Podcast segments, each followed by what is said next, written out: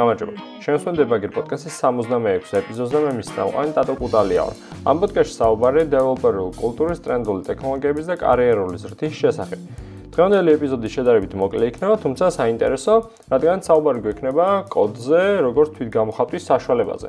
მან დაფიქრეთ, როგორ შეიძლება იყოს კოდი რაღაც ჩვენი თვითგამოხატვის საშუალება. ჩვენ ხომ მაგას უბრალოდ იმისთვის წერთ, რომ კონკრეტული დავალება გადავჭრათ ან კონკრეტული პროექტი შევქმნათ, შევაკოწიწოთ. კი, რა თქმა უნდა, მართალია, თუმცა ყველა ადამიანს გვინდა არ გვინდა გვაქვს ჩვენი რაც კულტურული კონტექსტი, ჩვენი ასე ვთქვათ, ჩვევები, რაღაც კეთების მანერა, ისე როგორც კალიგრაფიას ჩვენ შტრიხებს ვამჩნევთ, მაგალითად, რამოდენიმე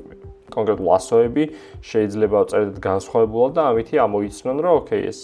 ადამიანს, ესე იგი EASO-ს ასე წერს და ნუ ეს ეს არის თქვა ასოციაცია გააკეთონ ვიღაც ადამიანთან. სწორედ ისე არის კოდთან, on კონკრეტულად ახლა კოდში რაღაც ციფრულად წერთ, იქნება რაღაცა პატერნები, რაღაც თქვა კლასის კლასები როგორ შეიძლება დაწერო, ფუნქციებს როგორ სახელს არქმევ, რაც არ უნდა სტანდარტიზირებული იყოს ეს ყველაფერი პროექტის გარშემო, მაინც არის ხოლმე დეველოპერსის დამახასიათებელი რაღაცეების პოვნა კოდში შესაძლებელი. პირველ რიგში მოდი ვისაუბროთ გუნდზე და რატო არის გუნდში მნიშვნელოვანი რაღაცის ხელწერა ვიცოდეთ. გუნდი რასაც პროექტზე მუშაობს, ნიშნულოვანია რომ იყვნენ ერთმანეთთან ახლოს და სამსახურს გარეთაც იცოდნენ ერთმანეთს, რადგანაც გუნდი არნიშნავს მარტო რომ პროექტი აკეთო მასთან ერთად გვერდიგორ, გუნდი ნიშნავს რომ თლიანად შეთამაშებული იყო მასთან, დაახლოებით ხვდებოდე როგორ დაწერს, რას მოიმოქმედებს,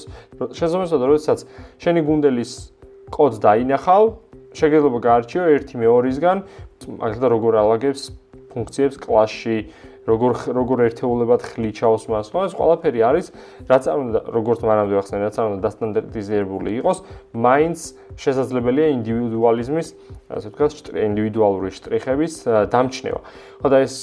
გუნჩი როდესაც ხვდები ვისი ხელწერა გიადულდება ნავიგაცია რომ ნახო ვის შეიძლება დაეწერა რადგანაც მე უკვე ხვდები დაახლოებით რას დაწერ და ასევე სად ეძებო კონკრეტული კოდის ფრაგმენტები ან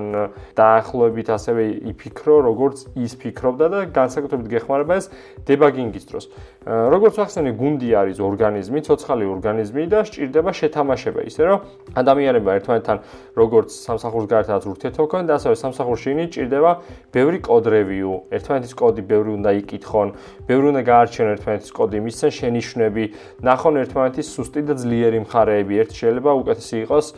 თქვათ პროექტის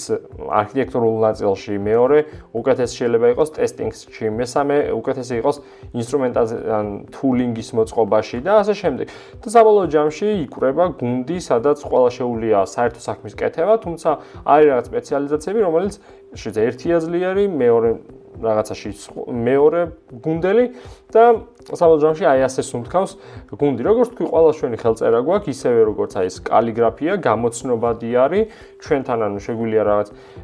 მი დავაკავშიროთ, თუმცა ეს არ ნიშნავს, რომ რაღაცნაირად ხელოვნურები უნდა ვიყოთ და რაღაც სპეციალურად დავტოვოთ კვალი, თუნდაც უაზრო კომენტარების სახით, როგორც ეს მე დავწერე თქვა 3 თვის წინ და ახლა ღმერთმა იცის რა შეიძლება ეს კოდი და ასეთი ალბათ ინტერნეტში წლების განმავლობაში ბევრი გინახავს ასეთი კომენტარები, თუმცა აღარ არის ეს სასაცილო და გააჩნია როგორ პროექტზე მუშაობ, სერიოზულ პროექტებზე, არც თუ ისე მრავლის თქმელია და არა სერიოზული ჩანს, ასევე ძალიან გაკარგინებს კონტექსტის აქ აქ აქ მას ზოგადად. ამიტომ ნუ ვეცდებით რომ რაც ხელოვნურები ვიყოთ, ნურც ვეცდებით რომ მიქელანჯო მიქელანჯელოები ვიყოთ და სუპერ დუპერ ვითომ კოდი ესეთი ვწეროთ, 9000 ფაქტორი გამოვიყენოთ და რეალობაში საჭირო არ იყოს და ამითი დავანახოთ რომ ჩვენ სუპერ კლინ კოდს წერთ, რაც რეალობაში ასე არ არის. უბრალოდ წეროთ ისე, როგორც ანუ რა თქმა უნდა გაუმჯობესდეთ მუდმივად, მაგრამ წეროთ ისე, როგორც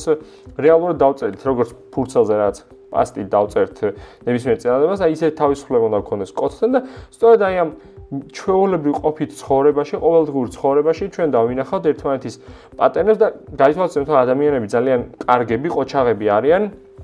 ერთი და იგივე, ერთი და იგივე აი თარგების, აი პატერნი, რასაც ქვია, მემების აღმოჩენაში. ამიტომ ძალიან მარტივი არის რამოდენიმე თვის შემდგენ გუნდელებმა ზეპირად იცნო ერთმანეთი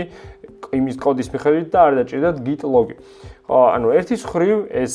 რადგან მთელი ამაზე ჩავწერე ეპიზოდი, ესე იგი მნიშვნელოვანია, მაგრამ ერთის ხრივ შეიძლება არ მოგეჩვენოთ მნიშვნელოვნად და გაუფასურებულიც იყოს ეს შეხედულება და იგივენაირად კოდის სტილის დაცვა არ ხდებოდეს, თუმცა რეალობაში, როდესაც აი ასეთი პრაქტიკები ჩამოყალიბდება და ერთმანეთი გუნდა ვეკარგეთ, სწორედ პირველად მარტივი არის პროექტისათვის საერთო სტილის შერჩევა და პირველად მარტივია მე ამ სტილის დაცვა, იმიტომ რომ ყველასთვის მეტნაკლებად უკვე ცნობილია ერთმანეთს როგორ აკეთებენ და უფრო კომფორტული ხდება ზოგადად სტილიზაციის დაცვა. ეს რა თქმა უნდა არ არის მარტივი ასათვისებელი რაღაც პრაქტიკა, რომელსაც ერთ დღეში, ერთ თვეში, ერთ წელიწადში ისწავლეთ, არა ამას უნდა წლები, შეიძლება 3 წელი, 4 წელი, ჭირდება გუნდური მუშაობა, ჭირდება